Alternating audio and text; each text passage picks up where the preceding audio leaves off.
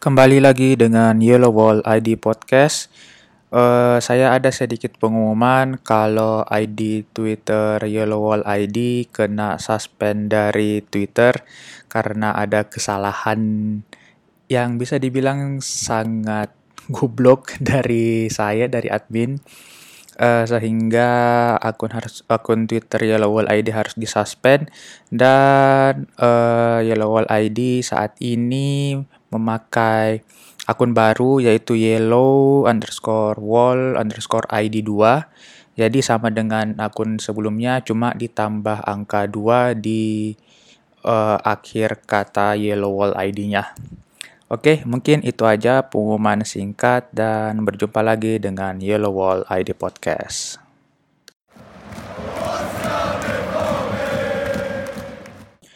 Jadi pada weekend kemarin Borussia Dortmund uh, menjamu Fortuna Düsseldorf di Signal Iduna Park yang di mana Borussia Dortmund dengan amat sangat meyakinkan menang 5-0. Uh, ini adalah kemenangan back to back pertama Borussia Dortmund setelah dua pertandingan awal melawan Augsburg dan Köln karena setelah itu Borussia Dortmund sudah tidak pernah lagi menang secara back to back. Kelima gol dari Borussia Dortmund itu dicetak uh, Marco Reus pada menit ke-42 babak pertama. Kemudian pada babak kedua Borussia Dortmund menambahkan 4 gol yang dicetak oleh Torgan Hazard menit ke-58, kemudian Jadon Sancho menit ke-63, Kemudian Marco Reus pada menit ke-69 dan ditutup brace dari Jadon Sancho pada menit ke-74. Nah, dari pertandingan ini uh, cukup menarik karena ini Lucien Favre dia kayaknya sudah mem memulai memakai pakem skema 3 back, 3 center back. Nah, pada pertandingan ini karena Hummels harus terkena akumulasi kartu merah dari pertemuan kemarin, jadi tiga center back Borussia Dortmund itu diisi oleh Lukas Piszczek, kemudian ada Manuel Akanji dan dan Axel Zagadou.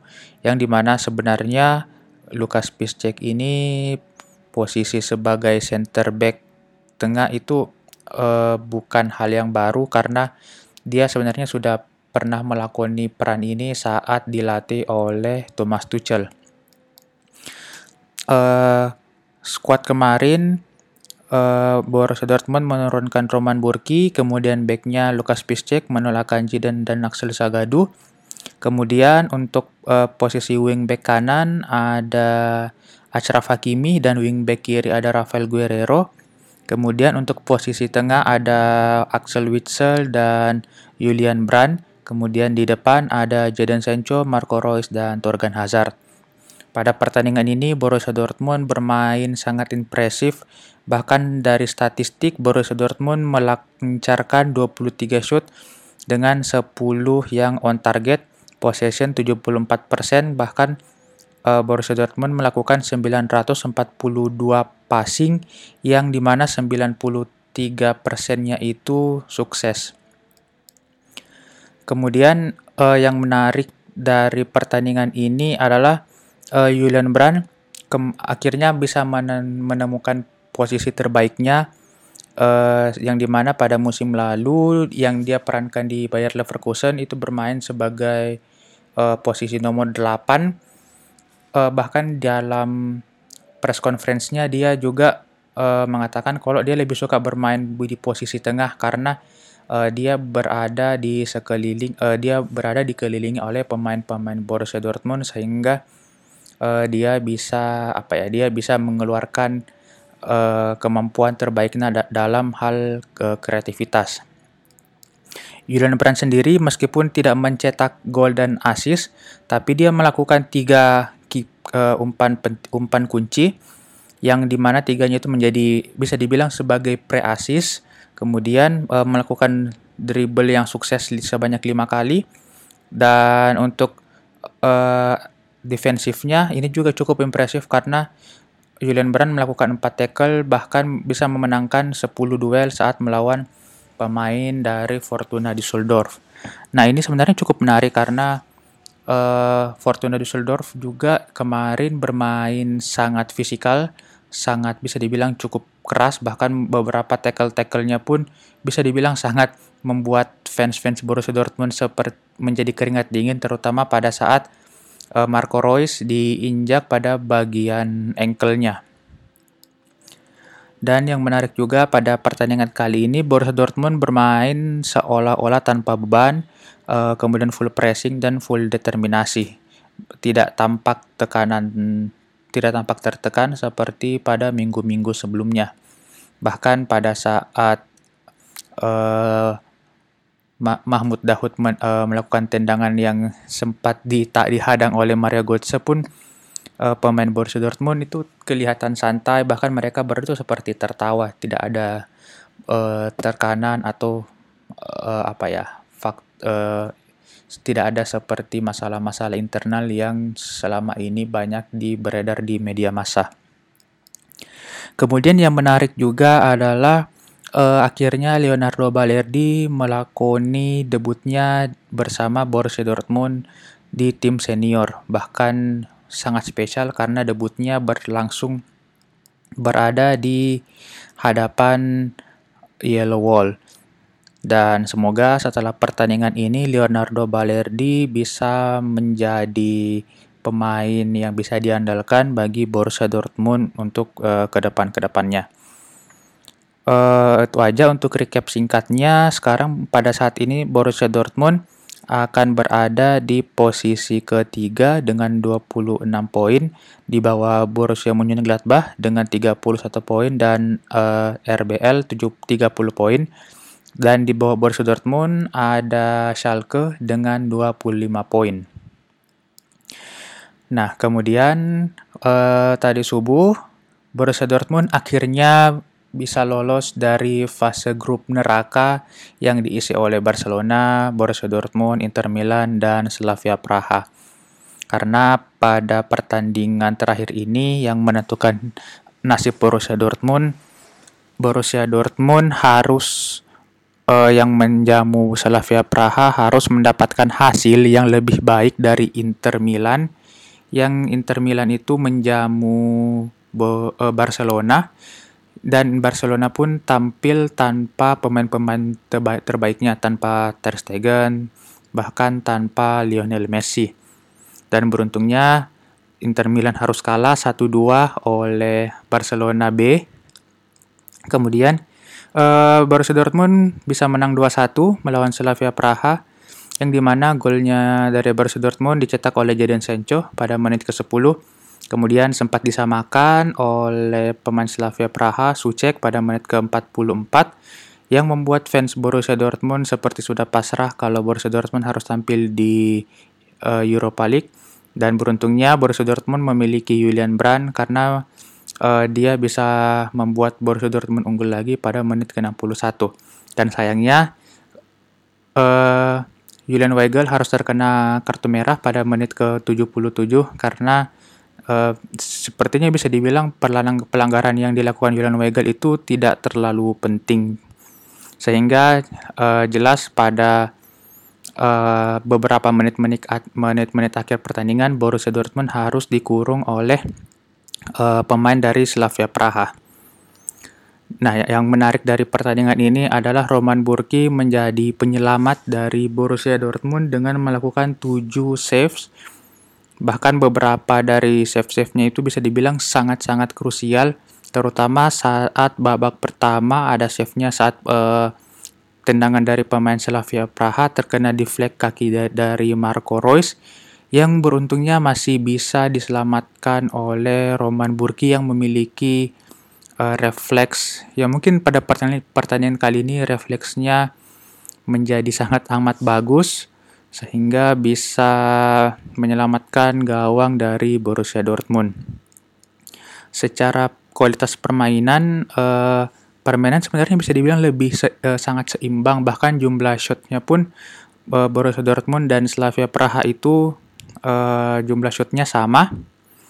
Namun eh, secara kualitas memang Borussia Dortmund jauh di atas dari Slavia Praha Apalagi sebenarnya secara skema tidak ada perubahan yang sangat signifikan dari Borussia Dortmund.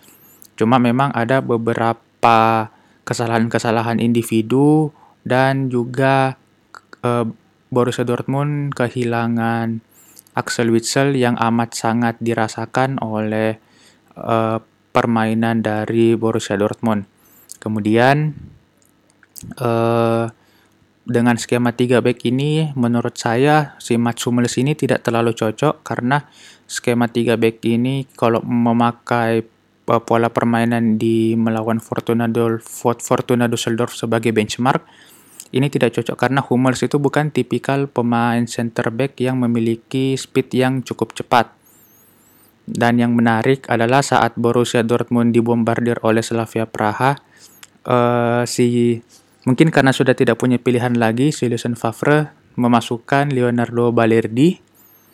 Ini sebenarnya uh, ini cukup apa ya? Sebenarnya cukup menegangkan karena Borussia Dortmund harus memasuki fase menit-menit yang sangat menegangkan diserang oleh uh, tim pemain Slavia Praha bahkan menentukan nasib dari Borussia Dortmund dan memasukkan pemain yang uh, selama setahun dicadangkan oleh Lucien Favre.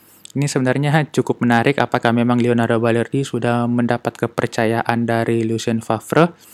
Ini kita nantikan pada pertandingan-pertandingan berikutnya.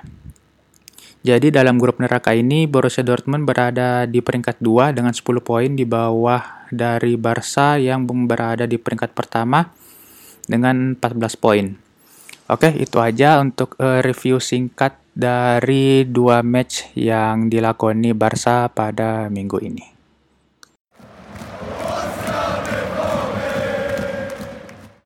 Oke, untuk segmen kedua kali ini uh, saya bakalan nyoba recap eh, berita-berita yang berkaitan dengan Borussia Dortmund. Jadi berita yang pertama yaitu uh, berita buruk uh, Axel Witsel menderita cedera yang harus dia derita sampai uh, bulan Desember. Jadi uh, sampai uh, paruh musim ini Borussia Dortmund harus tampil tanpa Axel Witsel. Uh, ini seperti menambah pemain Borussia Dortmund yang harus cedera apalagi uh, Thomas Delaney juga posisi yang sama dengan Witsel harus cedera sehingga Borussia Dortmund praktis tanpa pemain tengah andalannya uh, yaitu Axel Witsel dan Thomas Delaney karena uh, Julian Weigel dalam uh, pertandingan terakhir saat melawan Slavia Praha itu berasa sangat kurang untuk mengisi posisi dari Axel Witsel. Kemudian pemain yang tersisa selain Weigel ada Mahmud Dahoud dan ini Dahoud uh, posisi bermainnya sangat beda dengan Witsel karena Dahoud ini bermain lebih menyerang. Apakah uh, si Lucien Favre bakalan menaikkan to Tobias Russell dari BVB Junior untuk bermain di tim senior? Kemudian untuk berita transfer, transfer tentang Jadon Sancho uh, dari Thomas uh, Michael, Michael Zorc mengatakan kalau uh, Jadon Sancho tidak bakalan dijual pada musim dingin ini. Kemudian untuk um, calon pemain yang diincar Borussia Dortmund yaitu striker. Setelah kemarin muncul berita da, berita uh, eh, BVB mengincar uh, Mario Mandzukic dan uh, Oliver Giroud, sekarang yang paling kencang itu adalah uh, Haaland, pemain dari Red Bull Salzburg. Uh, ini uh, pemain yang lagi hot lagi hot-hotnya dan dia dipatok sebesar 20 juta euro dan menjadi hot commodity pada musim dingin nanti. Dan ini menurut saya sih meskipun ini adalah pemain yang didamkan oleh fans Borussia Dortmund namun sangat eh, cukup sulit untuk mendapatkannya karena Haaland ini dia diincar oleh tim-tim besar lainnya terutama uh, Manchester United dan karena Haaland ini mainnya di uh, Red Bull Salzburg yang merupakan anak cabang dari uh, eh, RB Leipzig jadi besar kemungkinan juga si Haaland ini bakalan berlabuh ke RBL dibandingkan da, dibandingkan Borussia, Borussia Dortmund di Jerman. Kemudian uh, selain Halan, uh, Arkadius Milik dan uh, Christoph Piatek dari AC Milan juga diincar oleh Borussia Dortmund.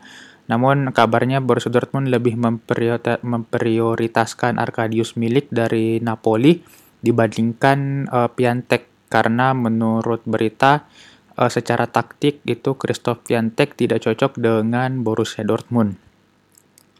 Kemudian uh, dari UEFA Youth League ini seperti uh, Liga Championnya untuk pemain-pemain uh, junior Borussia Dortmund Junior mengikuti langkah uh, seniornya dengan lolos ke babak selanjutnya di mana Borussia Dortmund mengalahkan Slavia Praha dengan skor 5-1. Gol dari uh, BVB Junior dicetak oleh Mokoko, kemudian uh, sebanyak uh, tiga Mokoko mencetak hat-trick. Kemudian uh, Giovanni Reina mencetak uh, dua gol.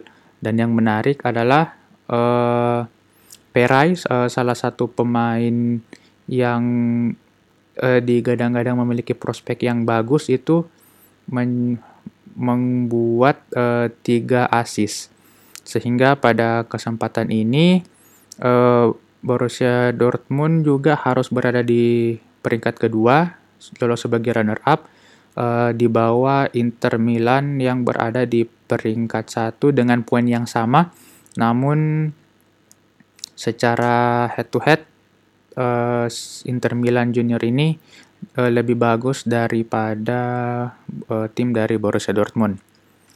Oke, itu aja uh, review singkat untuk berita-berita yang bisa saya recap dan kita lanjut ke segmen terakhir.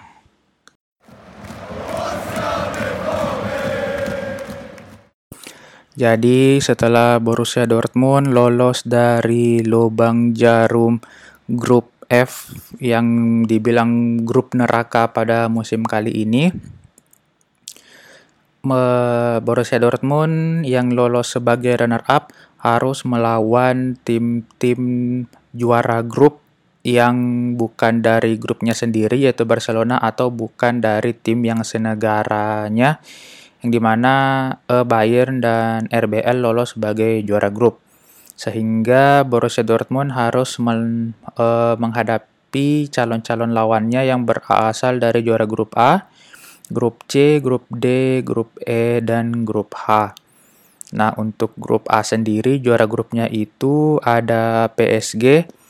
Uh, untuk preferensi dari uh, saya sendiri, uh, eh, PSG adalah lawan yang diharap saya harapkan bakalan melawan Borussia Dortmund.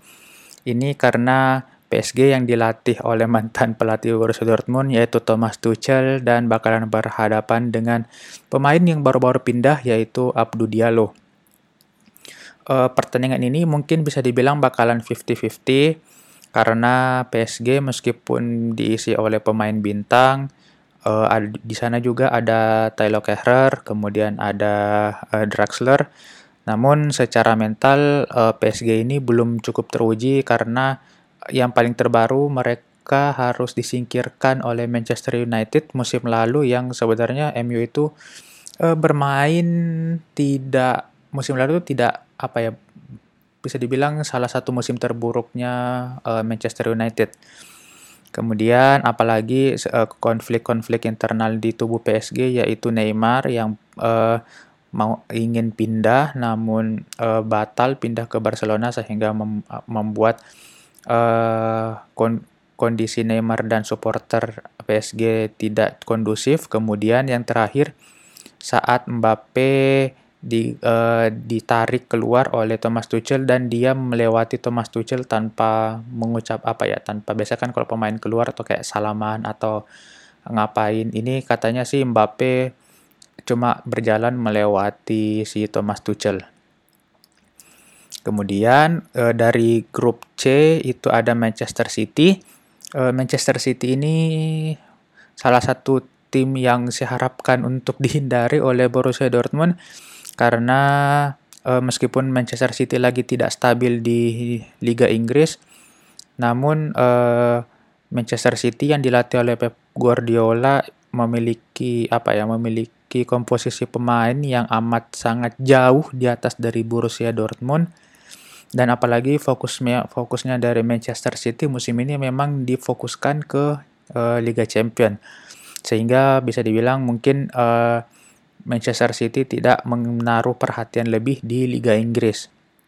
Pertandingan ini juga kalau ketemu Borussia Dortmund bakalan reuni dengan Ilkay Gundogan. Kemudian dari grup D ada Juventus. Uh, Juventus ini secara performa agak goyang di liga karena dia di, dia berada di peringkat kedua di bawah Inter Milan yang berada di bawah uh, Borussia Dortmund di Liga Champion. Uh, kalau nggak salah sih Juventus pada dua pertandingan terakhir tidak pernah menang, uh, satu kali kalah dan satu kali draw. Dan uh, jika Borussia Dortmund bertemu dengan Juventus ini bakalan menjadi revenge karena pada musim terakhirnya Klopp Borussia Dortmund disingkirkan oleh Juventus. Uh, apalagi secara komposisi pemain uh, seperti Cristiano Ronaldo itu tidak seganas musim-musim sebelumnya. Cuma ini bisa cukup tricky karena Liga Champion adalah panggung dari Cristiano Ronaldo itu sendiri. Kemudian dari grup E, juara grupnya ada Liverpool yang dilatih oleh Jurgen Klopp. Ini adalah tim yang amat sangat harus dihindari oleh Borussia Dortmund. Karena ketika Borussia Dortmund mendapat drawing melawan Liverpool, ya kayaknya sih sudah pasti Borussia Dortmund har 95 99% kayaknya ya bakalan gugur karena secara kualitas pemain Borussia Dortmund berada di bawah dari Liverpool dari dari kiper, back, pemain tengah apalagi untuk komposisi pemain depan. Kemudian di grup H ada Valencia. Ini uh, tim yang cukup mengagetkan bisa lolos karena dia menyingkirkan Ajax Amsterdam yang pada pertandingan tadi subuh meng, uh, mampu mengalahkan Ajax di Johan Cruyff Arena. Um, dan sebenarnya bagi pem, bagi tim-tim yang berada di runner up dan bukan dari Spanyol, Valencia ini adalah tim yang bisa dibilang amat sangat diincar untuk menjadi lawan karena secara performa di liga Valencia ini tidak cukup baik karena berada di peringkat 8. Oke, mungkin uh, itu aja yang bisa saya recap untuk uh, segmen ketiga itu uh, recap singkat untuk calon-calon lawan dari Borussia Dortmund. Jadi dari PSG, Manchester City, Juventus, Liverpool dan Valencia. Uh, saya sendiri berharap Borussia Dortmund bakalan bertemu jika diperingkatkan. Uh, saya sih berharap Borussia Dortmund bakalan ketemu PSG itu bukan dari segi kekuatan cuma sebagai preferensi pribadi saja. Saya ingin Borussia Dortmund meng, uh, mengalahkan tim yang dilatih oleh Thomas Tuchel. Kemudian uh, yang kedua, preferensi kedua itu Valencia. Kemudian yang ketiga itu Juventus. Kemudian yang keempat itu Manchester City dan yang terakhir itu Liverpool. Oke, mungkin itu aja yang bisa saya recap untuk uh, sampai saat ini. Dan pada pertandingan berikutnya Borussia Dortmund bakalan melawan uh, Mainz di uh, tandang, kemudian uh, uh, menjamu RBL di Signal Iduna Park dan pertengahan musim ini bakalan ditutup melawan Hoffenheim di kandangnya Hoffenheim. Dan mungkin episode berikutnya saya bakalan langsung aja recap tiga pertandingan Bundesliga ini. Oke, itu aja untuk episode kali ini dan sampai jumpa di episode berikutnya.